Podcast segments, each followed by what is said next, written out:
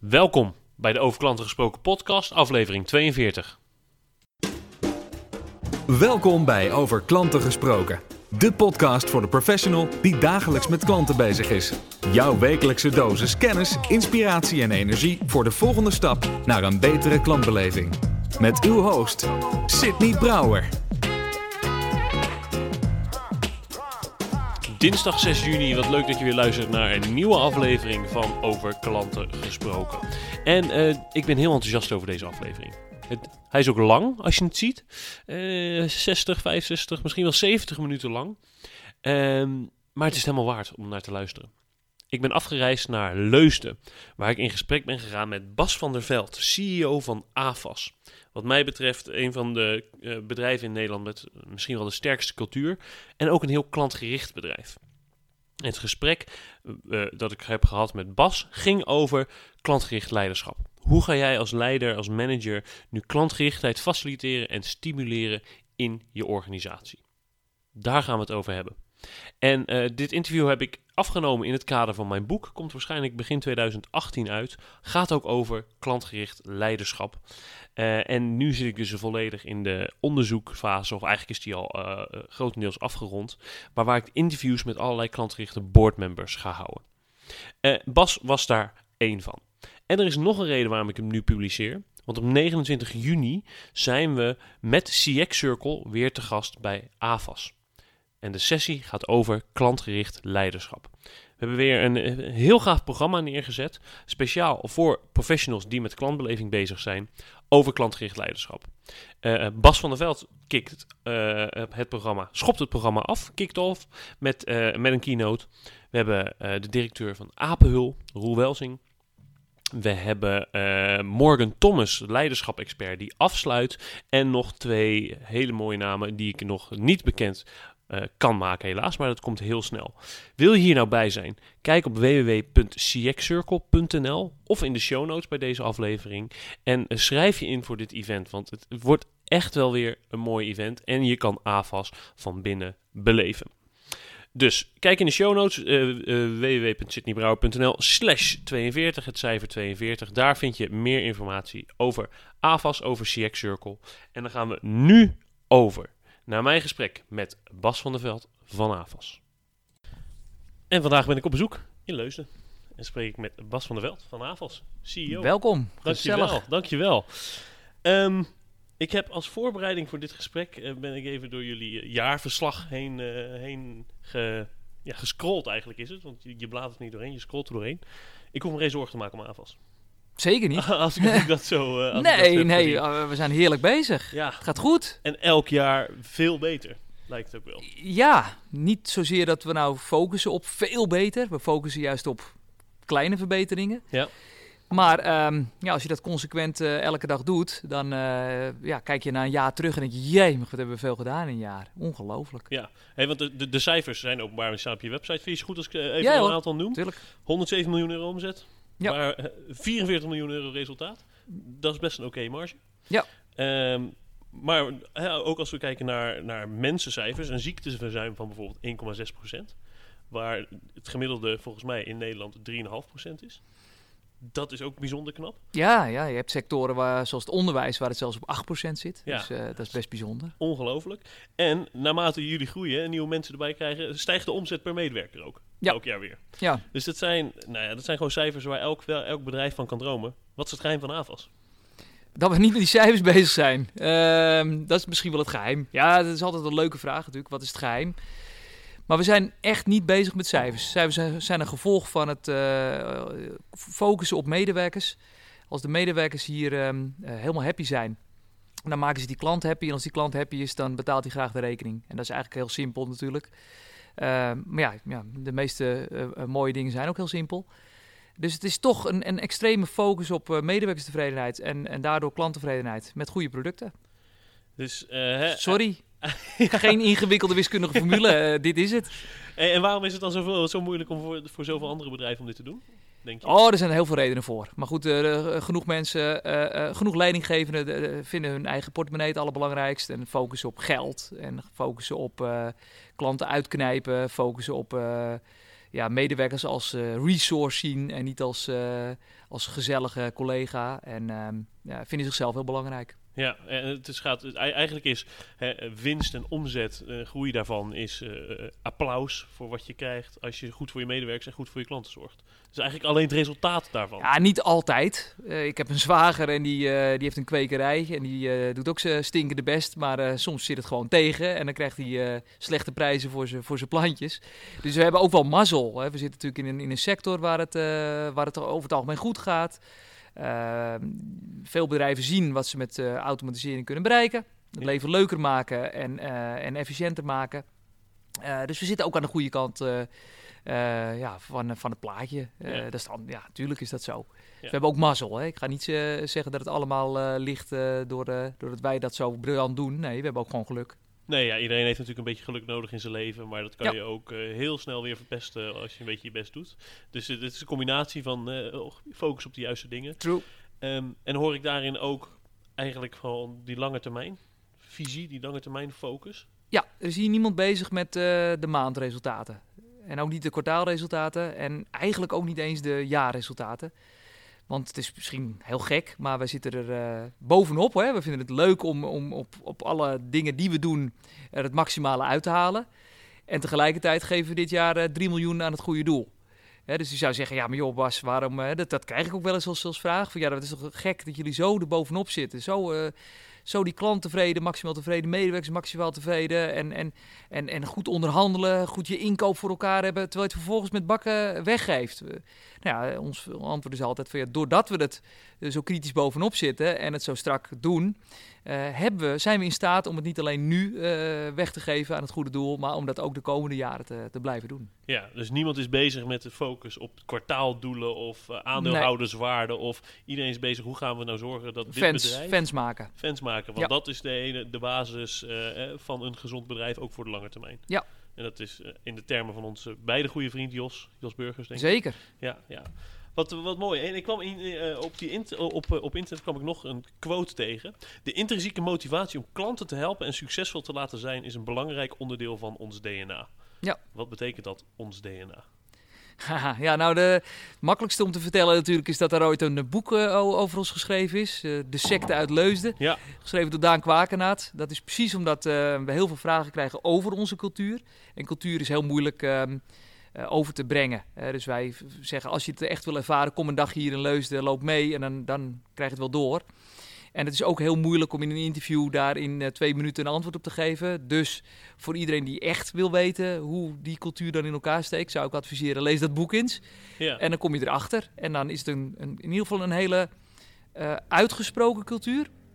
En er ook wel eentje waar, ja, net als wij zijn softwarebedrijf, hè, 0 en 1. En onze cultuur is ook wel een beetje dat. Ja. Dus je houdt ervan, je vindt het echt waanzinnig gaaf of je vindt het echt verschrikkelijk.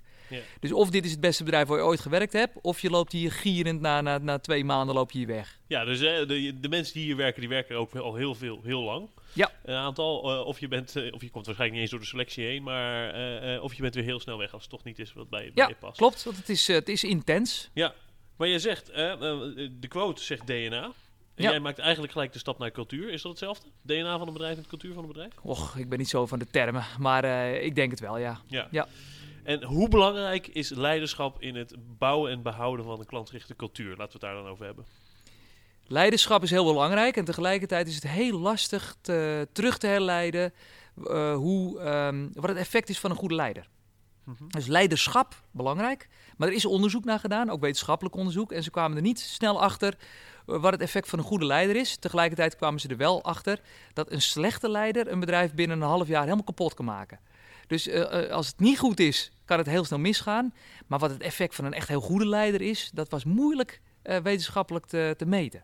Dat is interessant. Ja. Maar ik denk wel dat je er voor jezelf een beeld bij hebt. Want ik, ik kan me voorstellen dat jij probeert elke Ja, dag Ja, leiderschap. leider te zijn voor deze toko. Ja, maar ja, leiderschap wordt heel vaak dan met, met management eh, verward. En dat is het helemaal niet. Dus management is, is, zou je kunnen zeggen, ja, eh, eh, structuur en regeltjes en, en eh, manieren van organiseren. En leiderschap is meer een soort richting eh, aangeven. Ehm, en, en, en, en, en vertrouwdheid eh, aan mensen schenken. Dus het is wel iets anders.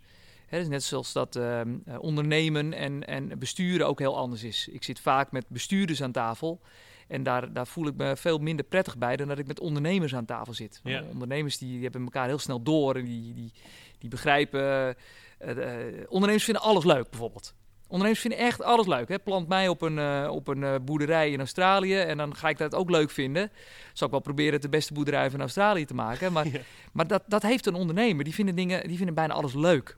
En dat hebben bestuurders helemaal niet. Die willen graag zich focussen, richten en, en, en, en ehm, eh, risicobeperking en zo doen. En dat is iets heel anders dan ondernemen. Ja. En het, zo, zo zijn er ook grote verschillen tussen management en, en, en leiderschap. En leiderschap betekent misschien wel, echt goed leiderschap betekent wel misschien wel het minimaliseren van management. Zou je kunnen zeggen. Ik heb wel eens gehoord, hè, ehm, ehm, eh, het leiderschap is bepalen wat er waarom moet gebeuren. En leiderschap is hoe en wanneer het af moet. Ja, management is wel Ja, sorry, ja, management is hoe en wanneer Nou, het af moet. daar kan ik me helemaal eh, in vinden. Ja. Ehm, En Maar er is dan nog minder, even- er is minder management nodig in organisaties en meer leiderschap. en, hoe, en hoe doe jij dat? Eh, en, en, en dan voornamelijk ben ik benieuwd naar hoe jij dus zorgt dat iedereen hier elke dag gefocust is op die klant. En op goede resultaten behalen voor die klant. Nou, doordat ik er zelf op, op gefocust ben, natuurlijk. Dus Ja. een goed voorbeeld geven. ehm, ja, staat ook in, in jouw principes. Dat is eh, iets wat we zeker herkennen.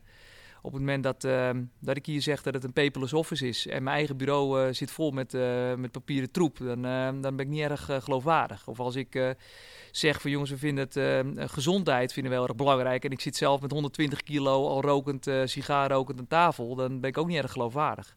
En mensen geloven wat ze zien en niet wat, wat je zegt. Ja. Ehm, dus goed voorbeeld geven is gewoon zeer essentieel. Ja. En tegelijkertijd ehm, ook een, goed leider is volgens mij bezig ook zichzelf voortdurend overbodig te maken en ehm, eh, er, ook, er ook niet te zijn. Nou, ook dat neem ik zelf, eh, die taak neem ik heel serieus door eh, grote gedeeltes in het jaar er niet te zijn. Dus ik ga vrij lang bijvoorbeeld op zomervakantie, gewoon echt eh, een week of vier, vijf, om echt eh, de organisatie, eh, nou ja, ik vind het ook al, al heel erg prettig trouwens als ik er niet ben. Want dan zeggen ze, dan komen we een keer aan ons werk toe. Maar ook om, om die organisatie te laten wennen aan een, aan een leiderloze situatie. Ja. Dus jezelf overbodig maken, maar uiteindelijk wil een mens, willen, willen mensen, zeker groepen mensen, willen ook geleid worden. Dus je zal nooit helemaal overbodig Nou, dat is best lastig, hè. Dus, dus wij zijn echt, we proberen alle regeltjes zoveel mogelijk overboord te, te kieperen. En dan, ehm, dan heb je dus inderdaad een hoop medewerkers die dat heel erg moeilijk vinden. Dus wij introduceerden een aantal jaar geleden het POB, persoonlijk opleidingsbudget. In plaats van dat wij bepalen als, eh, als leiders of als leidinggevende of, of afdeling HR van eh, dit is wat je moet gaan, eh, gaan volgen. Hebben we die opdracht bij de medewerkers zelf neergelegd. Dus je geeft medewerkers eh, vertrouwen, eh, vrijheid, maar tegelijkertijd ook verantwoordelijkheid. Ja. En er zijn er genoeg die, daar, ehm, die dat heel lastig vonden. Want hé, hey, dat is verantwoordelijkheid. Dat betekent ook dat er iets van je verwacht wordt. Ja. Ehm, eh, ik kan niet, meer, kan niet meer wegduiken, kan niet meer lopen zeuren van ja, ik heb die training moeten volgen van mijn baas. Nee, ik heb het zelf uit moeten zoeken. Eh, en als het niet goed is, ja, dan ben ik er ook zelf verantwoordelijk voor. Ja. Dus merk je ook dat er genoeg mensen zijn die dan bijvoorbeeld een jaar lang eh, niks aan, aan opleiding doen. Omdat ze bang zijn, omdat als ze iets doen, dat ze er ook verantwoordelijkheid voor moeten dragen. Dus mensen moeten echt nog wennen aan dit soort vormen van, van organisaties. Ja, is, eh, nee, we, gaan in rap tempo door alle principes heen. Dat geeft helemaal niet. Maar dit, dit, dit- Remmen maar als, Ja, het, nee, eh, nee, nee, dat is helemaal fijn. als het lukt. Eh, ik zeg inderdaad ook, hè, empowerment is verantwoordelijkheid, vertrouwen en vrijheid. Ehm, samengevat in het woordje empowerment. Heel veel managers dan, misschien niet leiders, maar managers vinden dat eng. Ja. Ehm, jij zegt, ik vind het niet zozeer persoonlijk eng, maar het zijn vooral mijn mensen die het eng vinden. Nou ja, ik vind, het, allemaal, ik vind maar- het zelf niet eng, maar ik, vind het, ik maak wel fouten. Hè? ehm, nou ja, Rick, eh, die hier eh, ook aanwezig is, die, eh, die, die stuurde mij nog een berichtje vanochtend. Bas, vind je, het, vind je het goed als ik erbij zit? Nou, mijn, mijn primaire reactie zou zijn, natuurlijk niet, kom er gezellig bij. Maar dat heb ik niet gedaan. Ik heb hem een berichtje te- teruggestuurd. Joh, je bent een volwassen kerel, neem zelf de beslissing maar of je erbij wil zitten. Weet je, dat ga ik toch, dat moet, niet- dat moet je helemaal niet aan mij vragen. Ja, Maar ik ben, ik ben geneigd om te zeggen, joh, natuurlijk kom er gezellig bij. Hij is geneigd blijkbaar toch om te vragen, mag ik erbij zitten? Maar eigenlijk vinden we het allebei onzin. En toch doen we het. Dus dat zit dan toch vrij diep in ons, eh, in ons ja, wezen, hè? Eh, ja. in, de, in, in de manier waarop dan dit soort dingen gaan. We vinden het eigenlijk, terugkijken vinden we het waarschijnlijk allebei gek eh, dat het zo gegaan is. En is dat iets persoonlijks of is dat toch cultuur? Hebben we het dan toch, daarmee zit er toch iets in de cultuur? Ik heb hier een, eh, nu, we hebben hier nu een jongen rondlopen. Die, ehm, die eh, loopt een soort stage, maar wel eh, elke dag. En die heeft een jaar lang, deze jongen echt is maar 23 jaar. Heeft een jaar lang bij Heineken gelopen. 23 jaar. Nou, hoe snel kan je in een jaar lang verpest worden? Nou, heel snel. Deze jongen was gewend om bij iedere mail die hij eh, naar buiten wilde sturen, naar een klant of nou wie dan ook buiten de organisatie, dat zijn baas dat eerst ging controleren. Oh, ja. Deze jongen is 23, het is een gouden gozer, hè? Alleen hij komt hier en hij zegt, ja, wie, controleert, eh, wie gaat hier mijn mails controleren? Eh, je mails controleren? Je stuurt gewoon zelf je mails naar buiten. En dan ben je 23 jaar en dan vind je het al moeilijk om zelf naar klanten mails te sturen, waarvan je weet dat die niet gecontroleerd gaan worden. Hoe snel kan iemand verpesten? Nou, in een jaar, in een jaar lang Heineken kan je dus al verpest eh, raken. Ik wil geen namen noemen, maar het is niet voor niks dat de HMA nu avonds live heeft. dus het gaat mij niet specifiek om Heineken. Het gaat me om organisaties Nee, die ja, een beetje te groot zijn geworden. En die met 15 managementlagen de boel proberen te, eh, te, te runnen. Ja. Ehm, en, en, en nogmaals, ik, ik ken de hele situatie bij Heineken niet. Dit is wat hij mij zelf letterlijk heeft verteld. Ja. Hij zegt, en dan denk ik, jemig, dan ben, je, dan, ben je, dan ben je 23 en heb je er een jaar lang gezeten. Ja. Maar wat nou als je inderdaad 40 bent en je hebt daar 20 jaar gezeten? Ja. Of bij soortgelijke organisaties. Dan ben je gewoon helemaal niet gewend wat het is om zelf eh, verantwoordelijkheid eh, te nemen. Of zoals jij zegt, empowered te zijn. Ja. Nou, de vraag is of je het dan ooit nog, ook nog kan leren. Als je ooit dit soort dingen hebt aangeleerd, kan je ze dan inderdaad nog afleren. Ja, ik heb geen idee. Kan je dan alleen nog maar functioneren in grote corporates waar elkaar constant op Nou, dat, is, dat is, zou wel eens leuk onderzoek eh, op kunnen leveren. Ja. Ehm, ehm, ik ga weer even proberen structuur in te brengen aan, aan ja, dat is jouw verantwoordelijkheid. Ja, ja, ja. Hè? Ik, ik raad toch gewoon. Ehm, terug naar het begin. Ik, ik, ik hoor al in alles wat jij zegt. Volgens mij is, eh, volgens mij geloof jij er heilig in dat tevreden klanten, tevreden medewerkers de absolute basis is voor toekomstige groei en succes voor je bedrijf. Wat zeg jij nou tegen managers en leiders die nog steeds wachten op de business case van tevreden klanten? Ja, eh, wat moet ik daartegen zeggen? Ehm, nat- natuurlijk, hè, eh, je, hebt, je hebt die stromingen. En in- ik, ik ben inderdaad van de stroming die zegt tevreden medewerkers, tevreden klanten. Dat is nooit aangetoond, dat weet ik ook. Eh, alleen het is Nou, wel... Hier toch elke dag? Ja, maar, maar nooit wetenschappelijk bewezen. Dus Nee, het is meer boerenverstand dat we zeggen, ja, dat, dat zal wel zo werken. Maar echt aangetoond is het nooit. En er zijn natuurlijk ook gewoon bedrijven die ongelooflijk veel geld verdienen. Pak een willekeurige bank. Maar die natuurlijk niet goed zijn voor hun medewerkers en niet goed voor hun klanten. En toch heel veel winst draaien. Dus, dus, dus ja, er, is, er hoeft niet een per se business case te zijn... Nee. dat tevreden medewerkers en tevreden klanten leidt tot eh, miljarden winst. Maar, maar jullie doen het niet voor het geld. Wij doen het niet voor het geld. Het ja, dat is, eh, eh, eh, als je je concentreert op je medewerkers en op je klanten, rollen de euro's achter je aan. Dat is andersom gedacht. Het is ook helemaal niet om die euro's te doen. Het is juist om die medewerker en om die klant te doen.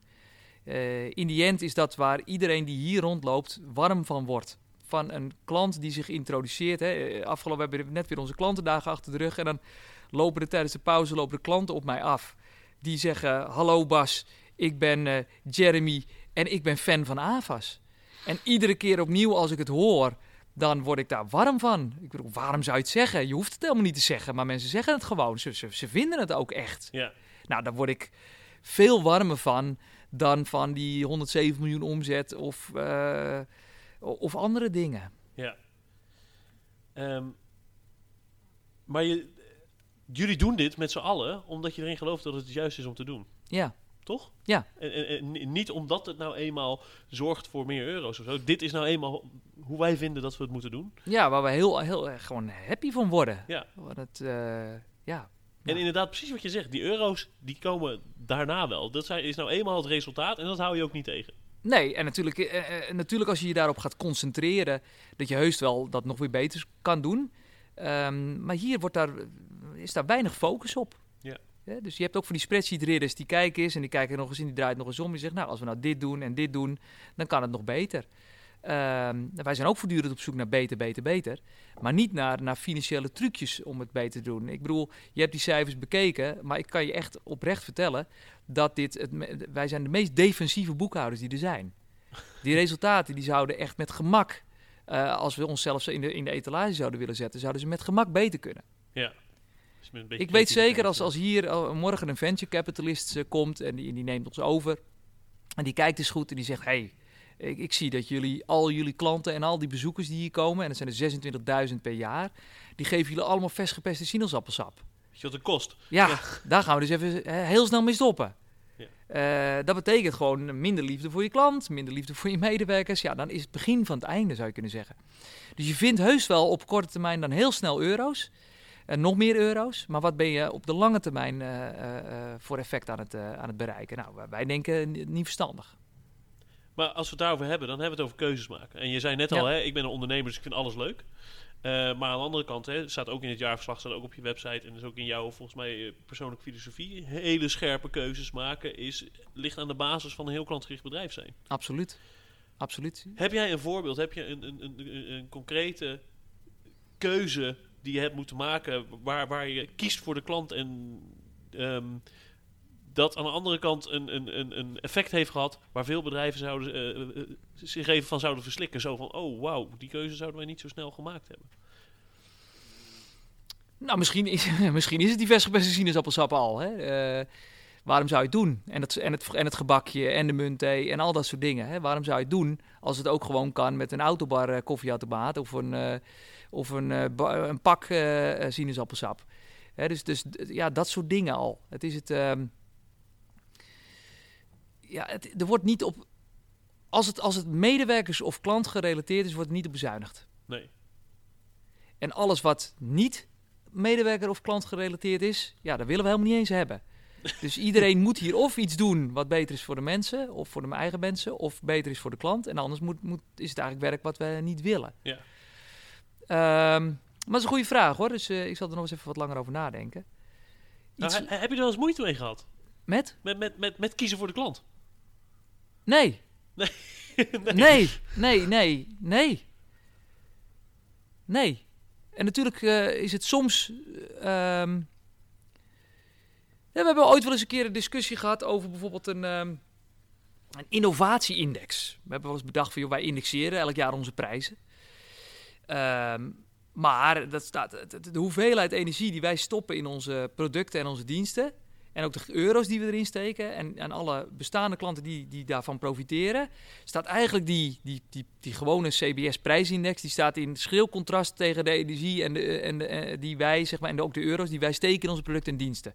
Zouden we niet een innovatie-index eh, eh, in het leven moeten roepen?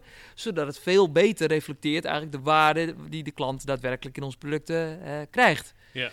Dus met andere woorden gaan we niet met eh, 1% of het afgelopen jaar hebben we zelfs met 0% geïndexeerd. Maar dan gaan we niet met dat soort percentages indexeren. Maar dan gaan we misschien wel 4, 5% per jaar onze prijzen indexeren. Dat zou veel beter reflecteren wat het, de software ook daadwerkelijk waard is. Ja. Nou, het zou ook beter zijn voor onze portemonnee. Maar we hebben ook al bedacht, het is uiteindelijk weer minder goed voor onze klanten. Dus dat hebben we niet gedaan. Ja, dus eh, commercieel zou het best een, een slimme keuze. Misschien zou de Ja. klant het ook nog wel begrijpen. Ja. Maar Nou, ik geef ook altijd een mooi voorbeeldje. En dat heeft eigenlijk meer met ethiek ook te maken. Eh, wij hebben wel eens eh, het advies gekregen van onze accountant: van jongens, eh, jullie zitten al met een vestiging op, op Curaçao.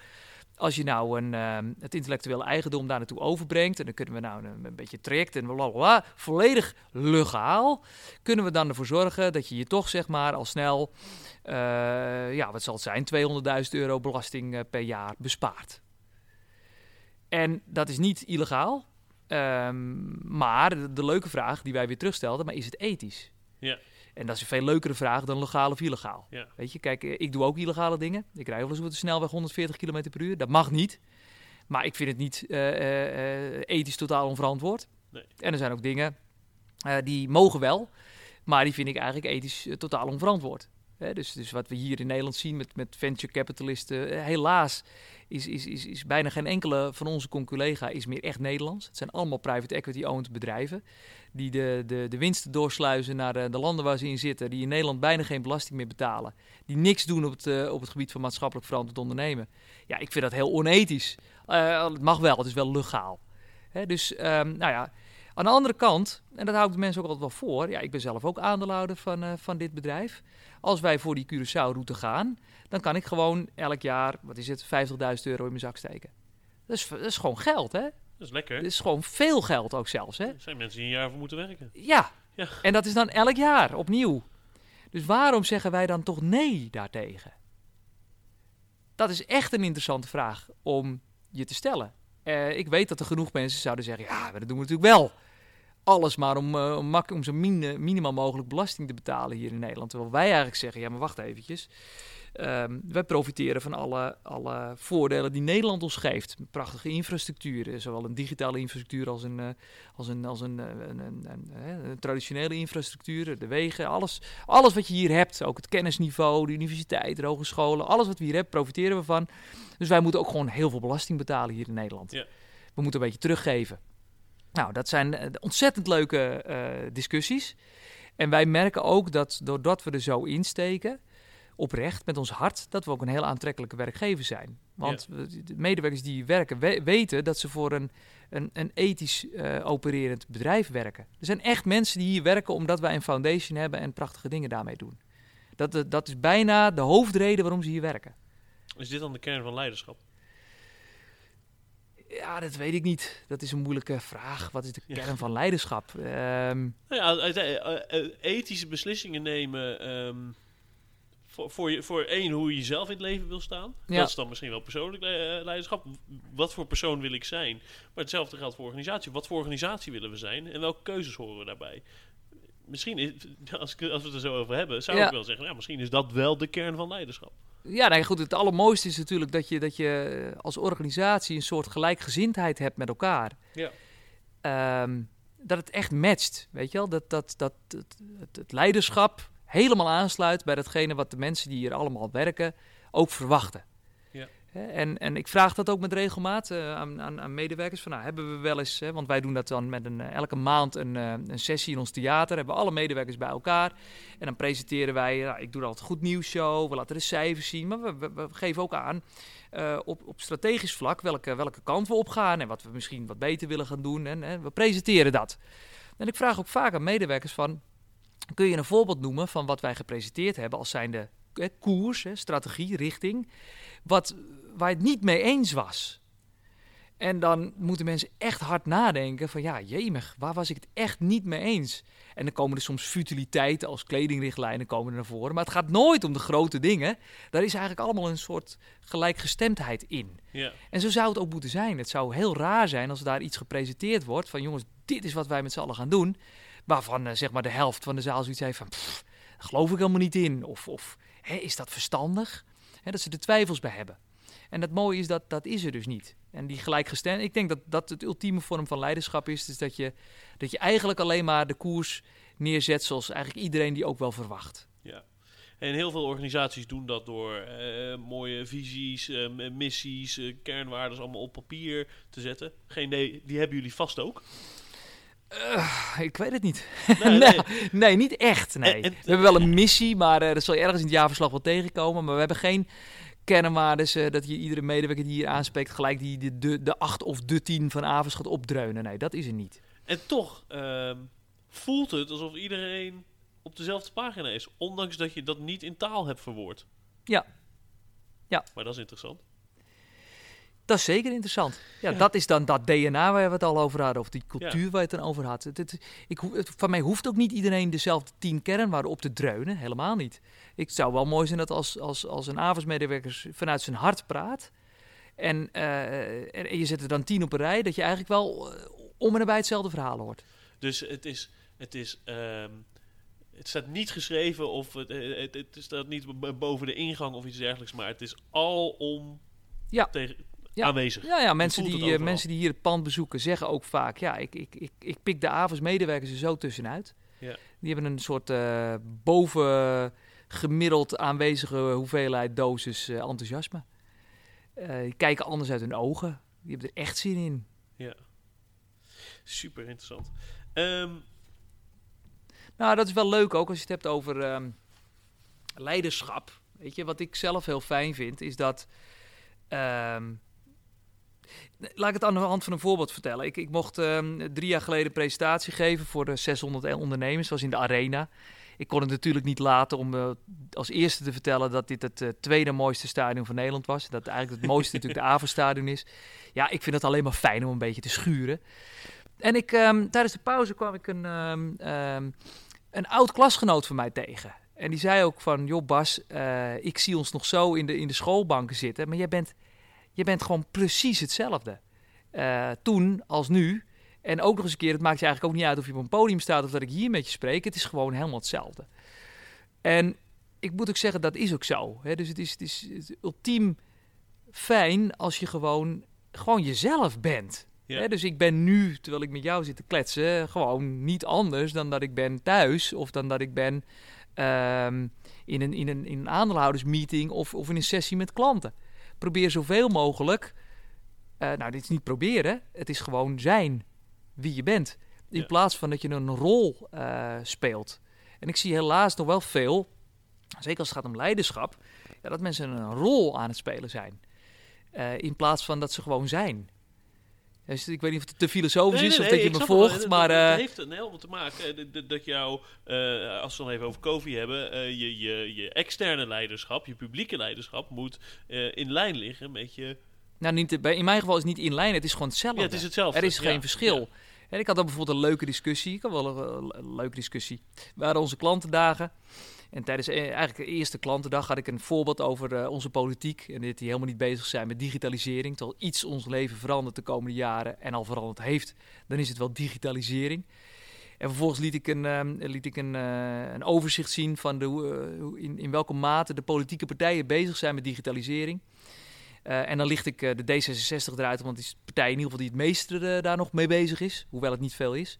En de PVV licht ik er dan ook uit, omdat het het minste, eh, eh, die er helemaal niet mee bezig zijn. Maar vervolgens zeg ik er dan ook bij, maar ja goed, waar zijn die wel mee bezig? Als je partijprogramma op een A4'tje past. eh heb allemaal heel erg weinig met inhoud te maken. Dus ik had na afloop van die eerste klantendag, had ik onze marketingdirecteur, die had ik bij mij staan. Die zei, Bas, dat, dat stuk moet je er echt uithalen. Want eh, waarom zou je dat doen? Je, je, je strijkt mensen tegen de haren in. eh, er zijn genoeg mensen die PVV stemmen. Dus wa- waarom zou je dat eh, waarom zou je doen?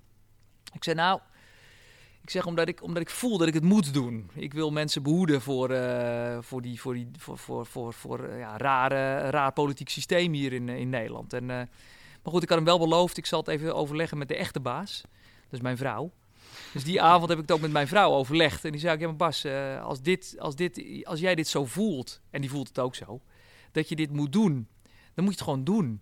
Weet je, ook al is het misschien niet het allermeest verstandige, ook al stoot je misschien een een paar mensen tegen het hoofd, als je voelt dat je dit moet doen, moet je het gewoon doen. Ja.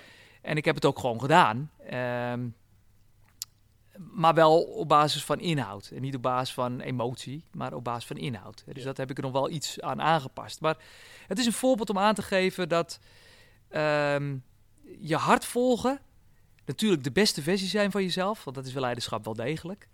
Ehm, ik zou het iedereen eh toewensen Ja. in zo'n positie. En wat ik heel eh, waar ik dan aan, aan moet denken, hè, want eh, volgens mij is de cultuur van AVAS heel erg in lijn met wie jij bent. Dat, in elk geval passen die goed op elkaar. Ja, dat zou, eh, zou ik anders ook heel vervelend Nee, hebben gevonden. maar eh, dat is interessant, want jij bent in 2008 ben je CEO geworden hier. Mhm. Daarvoor was het jouw vader, zeg dat goed? Samen met Piet Mars. Ja. Samen, samen met Piet Mars. Betekent dat ook dat daarmee, eh, toen jij het overnam, samen met je collega, ehm, dat daarmee ook de cultuur is veranderd? cultuur verandert sowieso. Dus of, eh, ehm, eh, dat, ik bedoel, wordt ook gevormd door, eh, nou, door politiek. Het wordt gevo- gevormd door vluchtelingen. Het wordt gevormd door alles. Hè, dus het verandert per definitie sowieso en is ook niet te vatten. Hè, want cultuur zit, zit bij mij, het zit bij, eh, bij die 400 andere collega's. Ja. Ehm, en in de beginperiode hadden Arnold en ik ook helemaal niet de behoefte om, om, ehm, om het allemaal te gaan veranderen. Hè, dus, dus wat je nog heel vaak ziet bij eh, beursgenoteerde bedrijven, is de bestuursvoorzitter stapt op.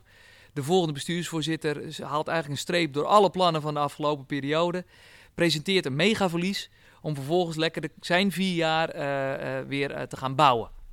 En dat, die hele behoefte die hadden, die hebben wij helemaal niet.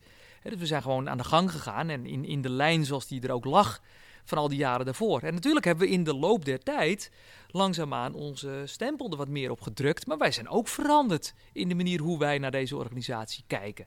En we zijn ook gegroeid in de manier van eh, hoe regelloos het kan en hoe, hoe, hoe maximaal vertrouwen je mensen kunt geven. Dat is anders nu, maar dat is ook bij ons anders. Eh, dus dat is, ja, het is veel meer als een soort organisme. Het, je, past je aan aan de tijd, je past je aan aan, eh, ehm, aan technologie, aan, aan, aan je omgeving. En dat doe je zelf en dat doe je samen met de organisatie. Ja. Hey, want ehm, ehm, Ik wil niet wazig klinken, ik hoop niet dat het Nee, wazig nee, nee. is, maar eh, nee, zo maar is zo hoe ik het beleefd heb. jullie hebben, wat ik heb gezien, een van de sterkste bedrijfsculturen die er is in Nederland. Daarom is ook het, het boek geschreven, De Secte uit Leusden. Niet de meest charming naam, maar eh, volgens Daan, in elk geval die hem heeft geschreven, wel een naam die past. Ja. Een soort geuzennaam. Ja. Ehm, maar niet alle onderdelen van de cultuur zijn per se onbetwist. Of, hè, eh, laat ik een voorbeeld nemen. Parttimers. Doen jullie eigenlijk niet zo erg aan bij AFAS. Ja, nou ja, het is iets uit zijn verband getrokken in het boek. Ehm, wij, eh, eh, het is, het is iets, iets subtieler dan dat. Wij houden in principe van fulltimers. Dat is zeker zo. Ja. En als je hier start, die eerste paar jaar zijn gewoon echt heftig. Je moet het bedrijf leren kennen, producten leren kennen, klant leren kennen, is gewoon heftig. Dus op het moment dat jij zegt, ik wil heel graag bij Avers komen werken, maar, eh, maar wel 20 uur in de week, zeggen we, nee, dat, dat gaan we niet doen. Dat, is, dat, dat lukt niet. Nee. Dus je gaat gewoon lekker 40 uur starten. Krijg jij eh, eh, een dame van 24 en je gaat gewoon 40 uur starten. Krijg je vier jaar later een kind en wil je op dat moment 32 uur eh, gaan werken? hey, prima, we begrijpen het helemaal. Natuurlijk moet je dat vooral ook doen. Ehm, maar 32 uur of, of, of nog minder hier gaan starten, daar zijn we geen fan van. Nee, nee, precies. Dus je, kan er naartoe groeien, maar in principe start iedereen hier part-time. En ik kan me voorstellen dat dat bij veel andere bedrijven zeggen van, nou, dat, die, die kunnen daar een mening over hebben. Ja, zeker. Dat kan iets doen met je diversiteitsbeleid. Met Wat je, wel grappig is trouwens, is als je het even dan op wereldwijde eh, schaal bekijkt, is Nederland weer de gekke uitzondering. Dus in geen enkel land in de wereld wordt er zoveel parttime gewerkt als in Nederland. Kan je ook zeggen dat we in Nederland koploper zijn wat dat betreft? Eh, Het ligt eraan of dat- Nou, dit is al jaren zo. Of je het een goede ontwikkeling vindt. Ja, ik, ik, ik, ik weet het niet. Ik, weet het. Ik zie wel veel mensen die, ehm, die de school verlaten en ehm, eigenlijk geen keuze willen maken. Dus ze willen alles. Ja. Ehm, ze willen en eh, niet veel werken, en een enorme carrière, en kids, en alles. En ik, ja jongens, eh, en meiden, eh, je zult wel ergens keuze moeten maken. Maar jij doet toch ook, Bas? Ja, nee, ik doe veel, zeker. Maar ik maak wel hele duidelijke keuzes. Ja, ik, ja. ik, nou ja, we, we hadden het er al over. Ik ben, ehm, vanuit mijn karakter ben ik eigenlijk een ja-zegger. En ik ben een nee-zegger eh, moeten worden. Dus ik word voor zoveel leuke dingen gevraagd. Ik vind het allemaal leuk, hè? dus daar gaat het niet over. Maar eh, ik moet mijn tijd gewoon goed managen. En dus moet ik veel nee zeggen. Ja. Maar ik, ik, ik maak wel keuzes. Hè? Dus ik, ik kan niet parttime gaan werken. Ik, eh, ehm, dat, dat staat deze functie echt niet toe. Nee. En ik wil hem ook niet op die manier invullen. Maar dat wil niet zeggen, ik, ik, bedoel, ik breng elke dag mijn kinderen naar school. Ik ben elke dag om zes uur zit ik aan, de, aan de dinertafel thuis. Ik ben het weekend maximaal bezig met het gezin. Dus dat doe ik wel. Ja. Maar tegelijkertijd, eh, ja, ik, ik, ik maak mijn uren ook wel. Ehm, dus je moet, wel, je moet gewoon keuzes maken. En ehm, Voor jezelf en als organisatie. Ja. En dat is eigenlijk allemaal waar, waar cultuur over gaat. Wat doen we wel, wat doen we niet? Wat past er wel bij ons, wat past er niet bij ons? ja, en wees er ook eerlijk in, ook naar je klant. Ja. Dus dit is wat we wel doen, dit is wat we niet doen. Je mag de keuze maken om klant hier te worden. En dan weet je wat je krijgt. Hey, eh, nu, nu je dat zegt, een- belangrijke keuze is volgens mij. eh, ik hoop dat ik jou goed eh, verwoord, Rick. Maar eigenlijk doen jullie heel weinig maatwerk. Wij doen, ehm, als het gaat om de software, Ja. eh, eigenlijk geen echt maatwerk, nee. nee. Nee. Dus we hebben flexibele software, die kunnen we, die kunnen we best heel erg eh, ehm, naar het bedrijf snijden tijdens de implementatie. Maar als je eh, echt op zoek bent naar een club die zegt van, die gaat, eh, dat wij gaan programmeren voor jou, om precies de situatie te creëren zoals jij wilt. Nee, dat, dat, dat geloven we ook niet in, maar dat doen we ook niet. Nee, klopt. Er zijn heel veel clubs die het wel doen. Gelukkig wel. Ja, en toch, Mag een klant dus kiezen. Ja, nou, dat, dat, dat is mooi. Dus is het in jouw ogen een klantgerichte beslissing? Terwijl ik kan me, kan me ook kan me voorstellen dat er mensen zijn die zeggen... ja, maar als de klant dat wil en die wil met jou samenwerken... dan Ja, maar ja, wij noemen dat altijd het verschil tussen klantvriendelijk en klantafhankelijk. Ja. En wij willen wel klantvriendelijk zijn, we willen niet klantafhankelijk zijn.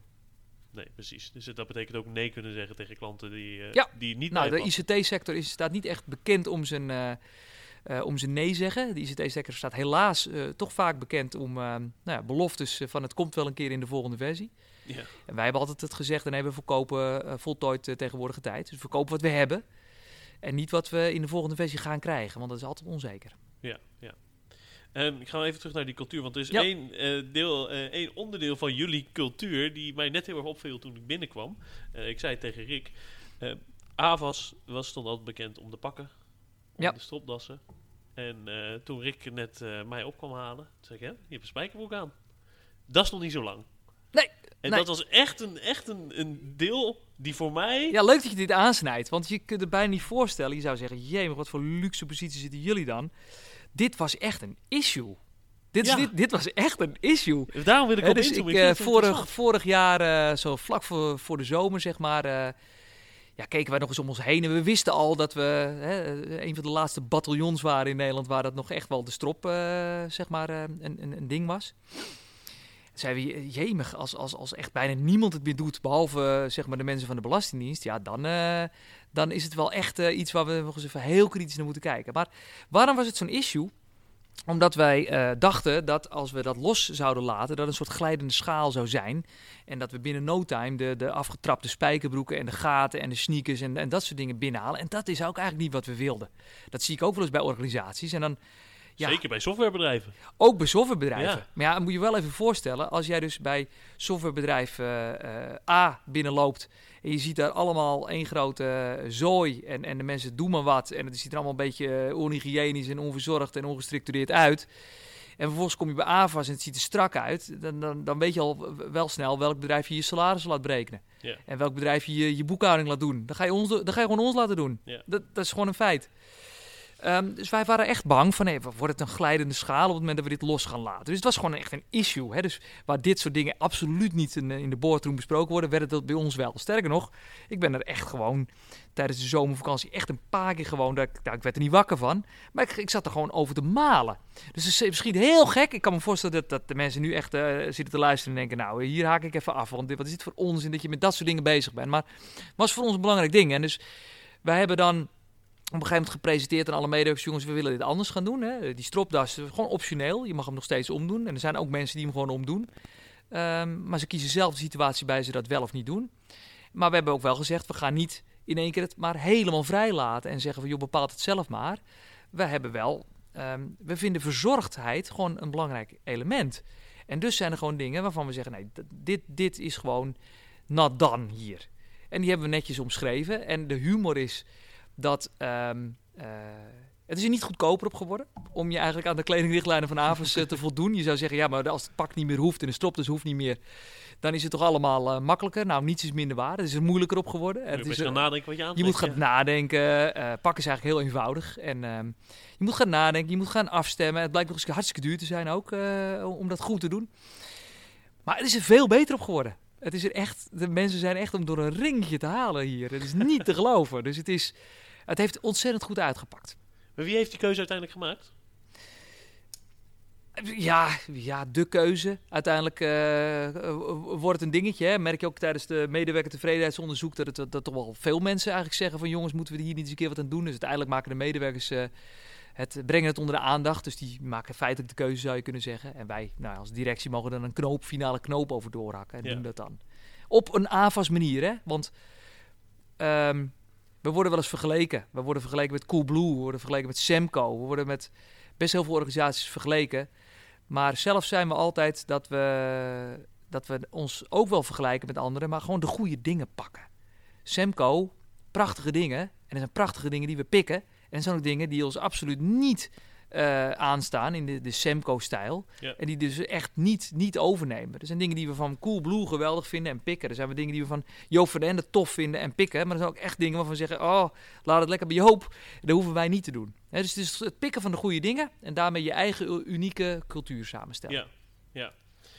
Maar ik vind het interessant wat jij zegt van ja, oh, nu, misschien haken er nu wel mensen af als ze horen dat ik eh, een paar keer wakker ben geworden of s'avonds nog heb na zitten denken over die stropdassen. Maar uiteindelijk denk ik dat dit juist is waar je als leider ehm, eh, je druk over moet maken als je je bezig gaat houden met, met wat voor cultuur je wil hebben in je organisatie. Misschien is dat zo. Misschien is dat zo. Nou ja, kijk, eh, eh, ehm, eh, ik noem maar wat. Coolblue. Een bedrijf, echt een bedrijf waar wij ongelooflijk veel mee worden vergeleken. Weet je, het gaat altijd over eh, ons en Coolblue. Dat is heel, heel bizar. En in de, in, de, in, de, in de uitstraling naar buiten toe begrijp ik het helemaal. Maar er zitten ook mega verschillen tussen onze organisaties. Loop je hier rond, dan, dan loop je echt niet bij Coolblue. Nee. Dan loop je bij Coolblue, dan zie je echt mensen mogen aantrekken wat ze willen. Het is, ja, wij vinden het al vrij snel een zootje. Eh, terwijl zij hier zullen zeggen, ja, jemig, allemaal eh, Stijf. Ja. eh, stijf en, en klinisch bijna. Hè? Dus Ja.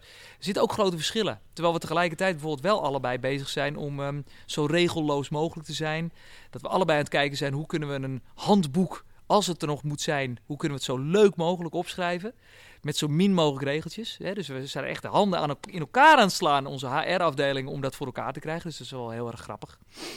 Ehm, dus je pikt elementen van elkaar en, en ook niet. Maar cultuur zit hem zeker wel in kleding. Cultuur zit hem in, in, in, in details soms. En, en dus vinden we die belangrijk, ja. Nou ja, weet je, we, zijn met z'n allen... ik geloof er heilig in dat cultuur zo ontzettend bepalend is voor het lange termijn succes van je organisatie. Ja. Jij ook? Zeker. Zie- ik zie je knikken. En toch besteden de meeste managers of leiders daar veel te weinig aandacht aan. Terwijl het- als het zo be- bepalend is, Ja. dan kunnen we er maar beter voor zorgen dat het ondersteunend is aan wat we willen bereiken. En Absoluut. duidelijk is. Nou, een van de belangrijkste middelen die dan voor mij, hè, die ik heb geleerd als hulpmiddel, zijn onze maandelijkse eh, kantoordagen. Dagen waarop echt alle medewerkers intern zijn. En die dag eindigen we altijd dan zeg maar, met onze eh, eh, ja, goed nieuws show. Alle medewerkers in het theater. En ik heb daar dan de mogelijkheid om even in een half uur tot drie kwartier, wat ik al zeg, de, de Goed Nieuws Show heet het, om dan allerlei dingen eh, uit te lichten die, die ik op social media heb gezien met betrekking tot onze organisatie, die medewerkers mij hebben gemaild. Ehm, en door ze te belichten, door ze te laten te, uit te vergroten, geef ik eigenlijk min of meer een soort ehm, ja, formele goedkeuring aan dat gedrag. Ja. Of afkeuring van dat gedrag. Ik noem maar een voorbeeldje. Ehm, ook onze mensen, we hebben, we hebben echt vreselijk veel goede mensen zitten. Die worden met regelmaat door eh, headhunters lastig gevallen. En headhunters, eh, nou dat is echt een uitstervend ras volgens mij. Want de meesten die besteden nul aandacht aan, eh, aan zo'n mailtje. Dus die slingeren gewoon een mail die ze naar duizend mensen sturen. De eter in. Met nul eh, persoonlijke, persoonlijke touch, zeg maar.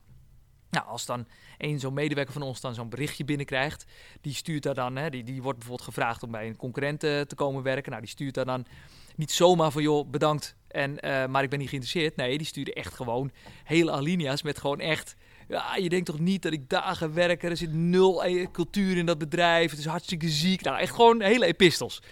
nou, ik, ik licht dat dan uit tijdens zo'n goed nieuwsshow. Waardoor medewerkers zien, oh, dit is blijkbaar wordt dit gewoon gewaardeerd als ik gewoon mijn, mijn hart laat spreken. En waardoor er steeds leukere reacties zeg maar, komen op dit soort headhunters-achtige mails. Ja. Dus ik geef eigenlijk door die goed nieuwsshow aan van wat wordt er hier nou eigenlijk wel van je verwacht en wat nou niet. Eh, en dat lichten we uit. En dat geeft eigenlijk een soort formele eh, eh, toestemming om jezelf net zo te gedragen.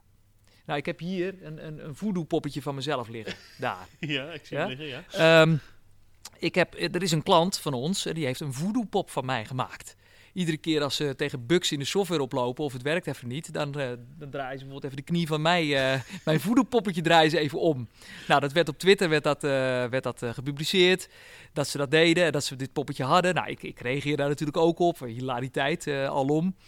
Ehm, en uiteindelijk heb ik hem vorige week officieel overhandigd gekregen. Want eh, nou, er waren eh, eigenlijk helemaal geen problemen meer. En ze zijn super eh, fan van ons geworden. En dus kreeg ik vanaf nu de beschikking over mijn eigen voodoo-poppetje.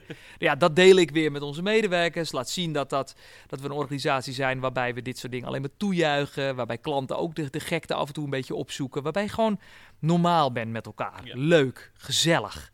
En niet stijf en, en, en, en, en die traditionele rolverdeling klant-leverancier. Dus hè, de, eh, jij zegt eigenlijk, de, het half uurtje of die drie kwartier per maand, die is voor mij cruciaal om ehm, te schetsen wat nou de kaders zijn waarbinnen we opereren. Juist. Als organisatie. Juist. Ja. Daarom besteed ik daar ook veel tijd aan. Hè? Dus ik ben echt gewoon een, eh, bijna een dag bezig om dat voor te bereiden. Ja. En ik geef dat eenmalig. eh, hè? Dus ik ben daar echt een dag bezig om, om drie kwartier tot een uur te vullen. Die ik eenmalig een keer presenteer en nooit meer. Ja. En, en zijn er nog meer, heb je nog meer voorbeelden van, van manieren waarop je dit doet? Waar, waar, waarop jij elke dag laat zien wat jij nou het belangrijkste vindt? Nou, voorbeeldgedrag. Ja. Het is toch absoluut wel voorbeeldgedrag. Ga je, ga je zelf, eh, ben je zelf wel vaak in contact met klanten? Ja, maar wel ook weer anders dan anderen. Ik ken, ik ken eh, directeuren die, eh, die drie dagen in de week buiten de deur zijn, bijvoorbeeld. Echt bij klanten. Dat, dat ben ik niet. Ik ben altijd hier, zou je kunnen zeggen. En als ik in contact sta met klanten, is het bijna altijd één op één.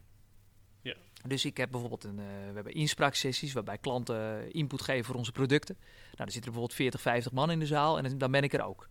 Eh, klantendagen waar, waar ik op het podium sta en mijn verhaal doe voor 800 klanten. Maar in de pauze en de afloop ook ja, heel, in, in hele korte tijd echt heel veel mensen spreek. Ja. Dus dat is wel een beetje mijn manier om ehm, eh, niet veel buiten te zijn. Ik ben niet bij, veel bij klanten op bezoek. Ze zijn vaak hier.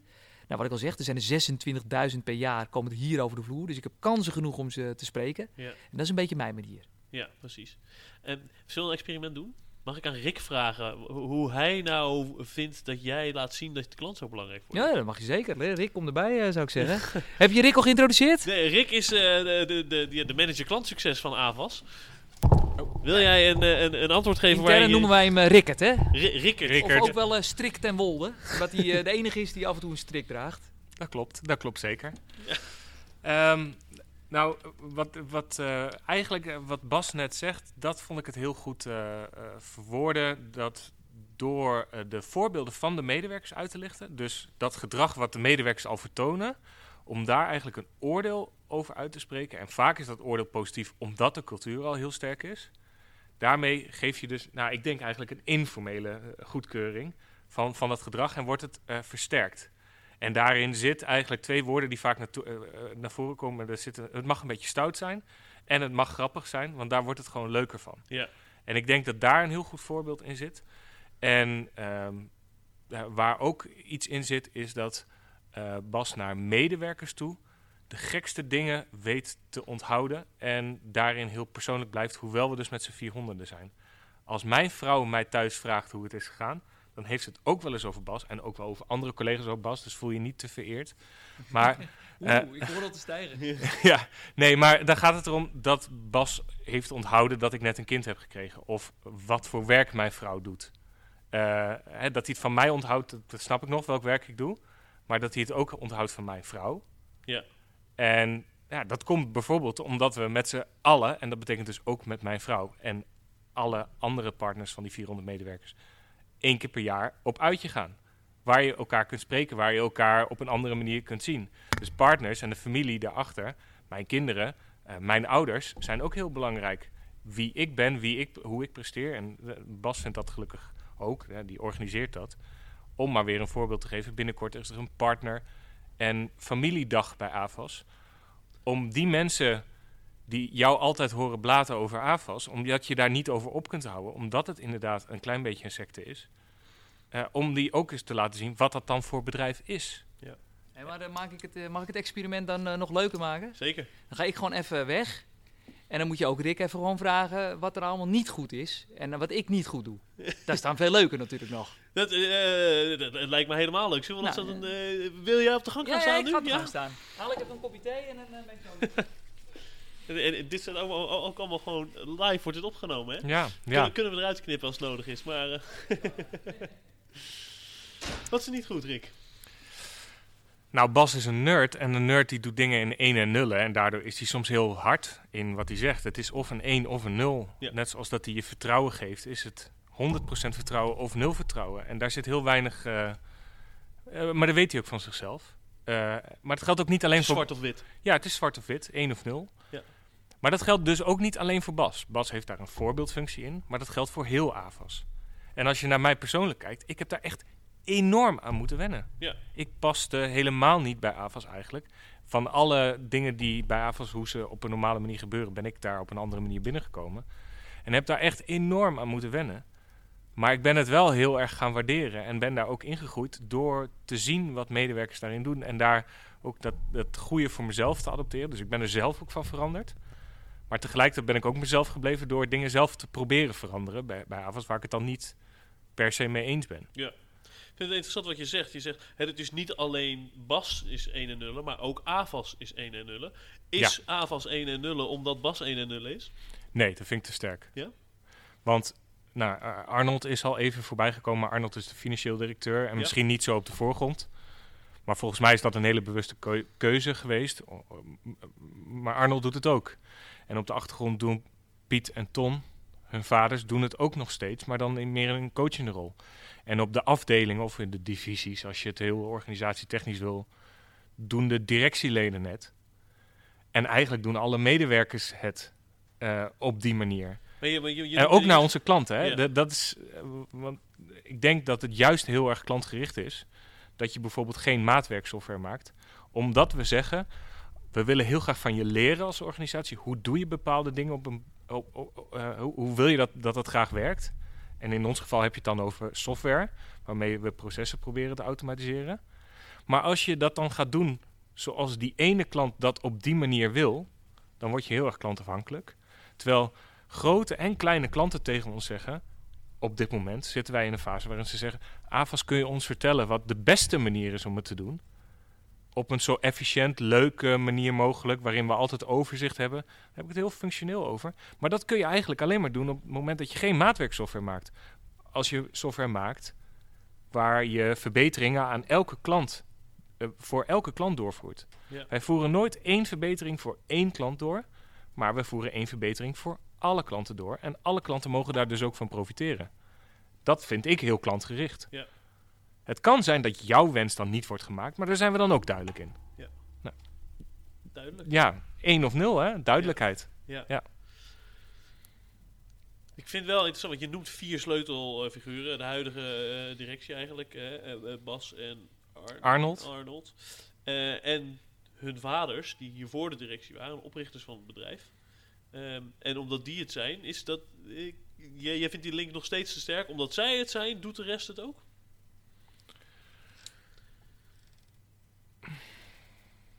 Het is wel heel duidelijk. Ja, ik denk dat dat in dat voorbeeldgedrag zit. Het is Ja. heel duidelijk wa- wat hier goed wordt gevonden en wat minder goed wordt gevonden. En daar, eh, als je dat niet, eh, niet, niet tof vindt, ja, dan zoek je een andere organisatie uit. Of als dat op een gegeven moment uit is gewerkt, die duidelijkheid. Maar dus ook die starheid. Je, moet, je kunt je strijd strijden bij AFAS en dingen verbeteren. Daar wordt zeker naar geluisterd. Maar uiteindelijk, in een familiebedrijf, dat geldt voor veel familiebedrijven, is het de familie die beslist. Nou, in dit geval zijn dat Bas en Arnold. En, eh, en waar, daar wordt het besloten. En als je het daar dan niet mee eens bent, dan zul je er op een gegeven moment wel naar moeten voegen.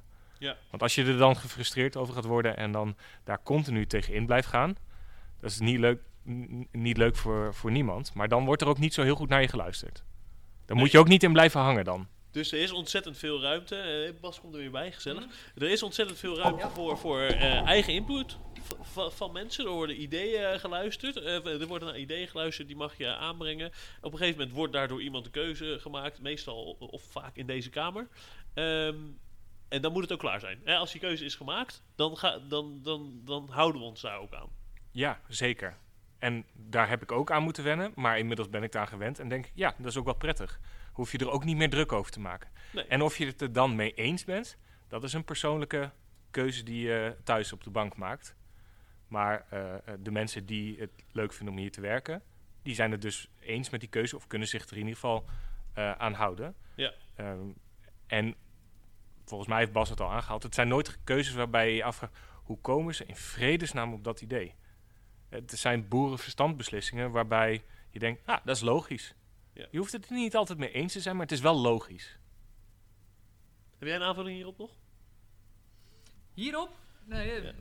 eh, nee, ik denk het niet. Nee, dat dit waar is, ja. ja. En natuurlijk hoor, dan hebben we nog wel eens dat het in de loop der tijd of in de loop der, eh, der jaren wellicht eh, eh, aangepast wordt. Je moet jezelf wel aan de tijd aanpassen, maar het is waar. Er worden beslissingen genomen en dan is het het ook. Is, Dus- is AFAS een hiërarchische club? Ehm, ja, ik denk het wel. Ik, ja, ik denk het uiteindelijk ook wel. Niet bureaucratisch, maar wel. eh, uiteindelijk worden de, de grote beslissingen wel genomen. eh, niet democratisch, nee. Nee, die worden genomen door, een, eh, door het leiderschap. Ja, ja, Ja. de directie in ons geval. Maar met, eh, want ook, ook, ook de stropdassen, eh, om even een voorbeeld te halen, die heb jij, eh, die hebben jullie genomen, die beslissing, omdat het borrelde in Ja. de organisatie. Dus Ja, ja. het is altijd met input van de mensen. Het is vaak input, klantinput, medewerkersinput die ervoor zorgt dat, eh, dat er op een gegeven moment keuzes worden gemaakt. Ja. Zeker. We zitten op 56 minuten. Ik ga, ehm, ehm, ik ga er bijna afronden. Ik, eh voorbeeldgedrag hebben we het over gehad. Het laatste ding ehm, waar ik nog even benieuwd naar ben is...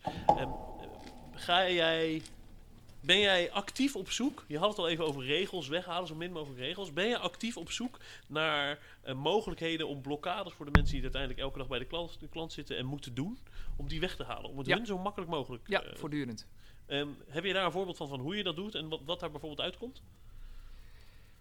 Ehm, nou, het is, het is bovenal de mensen laten zien ehm, dat, dat iets toegestaan is. Eh, dus ja, je kunt wel zeggen van joh, je hebt gewoon, eh, we hebben geen budget, eh, bijvoorbeeld wat je aan een klant mag spenderen. Maar als die klant eh, een kindje heeft gekregen en jij, het lijkt jou leuk om er een, klein fietsje voor te kopen, koop er een klein fietsje voor. Of, of, ja, dus de mensen hebben daar heel veel vrijheid in, maar doen het niet altijd. Dus je moet het ook echt nou, bijvoorbeeld weer via die Goed Nieuws Show laten zien dat als iemand het wel doet en het heeft heel leuk uitgepakt, die klant vindt het hartstikke leuk, dat je dat dan weer uitlicht. En dus op die manier.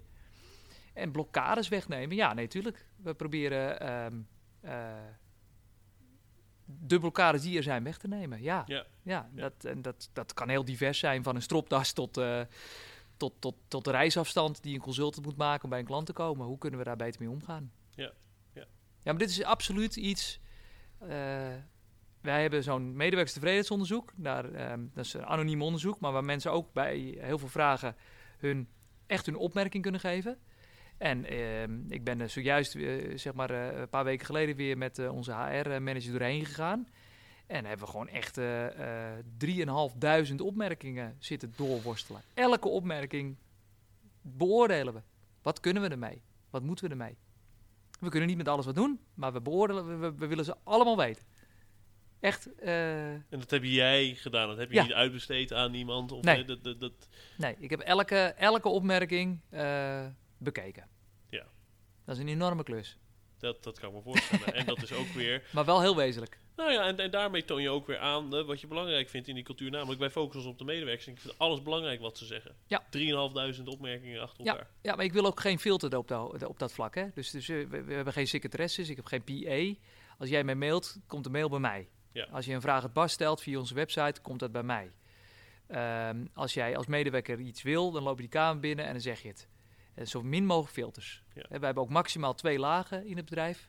Dus je hebt zeg maar, ehm, nou, medewerker heeft, heeft vaak een manager en dan heb je een directielid. Dat, meer is er niet. Ja. Dus het is niet een medewerker, manager, een middelmanager, nog een manager, nog een manager, eh 15 managers later en dan eh, iemand die eigenlijk uiteindelijk echt de beslissing mag nemen. Dat, dat, dat kennen we niet. Nee, nee, duidelijk. dat is ook wel heel prettig. Dat kan ik me heel goed Iedere medewerker wordt uiteindelijk ook. Iedere, ik eh, ehm, ben zelf ehm, bij iedere beoordeling van iedere medewerker ieder jaar betrokken. Oké, Ik ben niet degene die het bepaalt, natuurlijk niet. En ik noem wat, een consultant valt onder een consultancy manager. Die kan het beste beoordelen wat voor beoordeling de medewerker krijgt. En dus ook wat voor, in ons geval, een winstdeling. Ehm, maar zo'n beoordeling wordt altijd zeg maar, door de verantwoordelijke directeur, nog eens een keer met Arnold en met mij, Arnold is onze financieel directeur, altijd bekeken. Dus ik ken alle beoordelingen van alle medewerkers. Ja. En, en waar beoordeel je op? Als we dan toch deze afslag eh, hebben, worden op, eh, eh, gaan die beoordelingen op een bijzondere manier? Wordt er gestuurd op bijvoorbeeld klanttevredenheid? Of, of is dat... Zeker, zeker. Ja. Als je als consultant alleen maar tevreden klanten hebt, dan, ja, dan zijn we al vrij, vrij snel Ja, daar happy ja. mee. Je moet, je moet wel je nek hebben uitgestoken om echt een, een in ons geval C-beoordeling te krijgen. Hè? Dat is echt iets heel unieks. Dus dan moet je ook wel wat C is meer- goed. C is het beste. Oké, ja. Ja, A is onvoldoende. B is datgene wat 70% eh, heeft. Eh, en, en C is uitzonderlijk. Ja, dan moet je dus ook iets uitzonderlijks hebben. Je moet je meer dan, eh, gedaan hebben dan alleen maar je klanten tevreden stellen. Ja. Dan moet je iets hebben verzonnen waardoor we allemaal beter zijn geworden. Om klanten nog tevredener te maken. Dus eh, dat is ni- ni- niet één, persoon, één individuele klant, maar structureel onze experience naar een hoger niveau hebben getild. Yes. En dan krijg je een C-beoordeling. Ja. Kijk, dat is weer mooi om die, eh, om die daarin... eh, En die had Rick afgelopen jaar. Echt waar, Rick. Ja. Eh, weet hij uit zijn hoofd? Ja. Omdat, eh, ja, dat is ook al... ja, na- natuurlijk weet, weet hij dat eh, eh, uit zijn hoofd. En dat is vast omdat jij een naam op een gebouw in Am- Amsterdam hebt geplakt, of niet? nee, maar hij heeft Nee. veel meer gedaan dan dat. Dat geloof ik heel graag. Ja. Ik, eh, super. Hey, ehm, wat is nog, eh, wil, wil jij nog één belangrijk iets meegeven aan managers, leiders, directieleden die klantgerichtheid in hun organisatie willen faciliteren of op de kaart willen zetten überhaupt? Eh, misschien is het eh, woord nederigheid dan wel op zijn plek. Nederigheid. Nederigheid. Gewoon eh, je beseffen dat jij ehm, eh, op de plek zit doordat de mensen het je gunnen. Dat jij ehm, eh, ook alleen maar salaris krijgt doordat je klanten hebt. Als die klanten niet betalen, dan krijg jij ook niks. Ehm, nederigheid met betrekking tot je gezondheid. Dat je dat, hopelijk hebt. Ehm, en en laat, laat, geloof niet in je eigen sprookje. Weet je, eh, ik heb gewoon gruwelijk veel mazzel hier. Weet je, maar je moet mij ook niet optillen en nu ergens eh, directeur bij Ahold maken. Wordt helemaal niks. Wordt gewoon helemaal niks. Dus het is gewoon ook een, een mooie samenspel. eh, gelukkig samenspel. eh, gelukkige omstandigheden ook wel. En dus, dus die nederigheid, vanuit die nederigheid kan je veel meer bereiken dan vanuit de arrogantie van... eh, jongens, komt allemaal door mij en ik ben zo'n toffe leider en ik dit en ik dat. Nee, gewoon nederigheid. En ehm, Laat je ego thuis. ik denk dat het heel erg kan helpen bij, bij heel veel organisaties. Als ze dat wat meer zouden doen. Super. Is er nog een, eh, is er een vraag die ik had moeten stellen, maar die ik ben vergeten? Eh, eh, nou, we hebben het weinig over geluk gehad, hè? Kan. Uiteindelijk willen we allemaal maar één ding. En dat is volgens mij gelukkig zijn. Ja. En ehm, dat bereik je door in ieder geval... de meeste mensen die werken toch op zijn minst, eh, op zijn minst 40 uur in de week. En als je die 40 uur in een of andere treurige baan moet steken... dan is toch de kans dat je ongelukkig bent wel heel erg groot. Ehm, eh, dus ja, als we allemaal toch op zoek zijn naar geluk... eh, dan moeten we dat ook in de, in de baan vinden die we doen. En ehm, ik heb- ben in de gelukkige omstandigheid dat ik iedere dag fluitend eh, mijn bed uitspring om weer aan de gang te gaan. Ehm, en ik wens dat iedereen toe. En als je dat niet bent, terwijl je dit luistert of leest, dan zou mijn oproep echt direct zijn van joh, laat dan eh, waarschijnlijk het treurige bedrijf waar je zit eh, lekker voor wat het is. En kijk eens naar de organisaties die, eh, die het eh, wel, welgevallen van medewerkers en klanten eh, eh, heel hoog in het vaandel heeft. En dan gaat waarschijnlijk een wereld voor je open. En hoe ehm, zorgt AVAS elke dag voor gelukkige medewerkers? Door er, door er actief mee bezig te zijn. Ja, maar eh, is, is dat een eh, één op één approach of is dat echt één op één Beide. Beide? Beide. Het is de belemmeringen weg, eh, wegwerken, dat is vaak één op één. En één op één is het gewoon even dat belletje doen naar die medewerker, omdat die... eh, nou, ik heb het weekend twee belletjes gedaan. Eén ex-medewerker die helaas eh, waarschijnlijk binnen twee maanden gaat overlijden. En één medewerker die al drie dagen niet kon slapen vanwege de pijn. Ja, dat, dat is één op één. Gewoon even dat, dat, dat kleine beetje aandacht geven. En tegelijkertijd één op één proberen barrières weg te halen die voor iedereen frustrerend zijn. En gewoon zorgen dat je een superleuk bedrijf bent om voor te werken Ja, natuurlijk. ja, dat is het toch? Dat is het toch? Ja. Ja. Beetje stout, maar ook vooral heel grappig. Dat- Zo is het. Mooie afsluiten. Bas, Rick, dank jullie wel eh, voor deze eh, ja, 65 minuten eh, super toffe inhoud. Ehm, ik ga ermee aan de slag. En ik hoop Nederland ook. Ja, dat hoop ik zeker. Dat was hem dan. Een lang en leuk gesprek met Bas van der Veld, CEO van AVAS.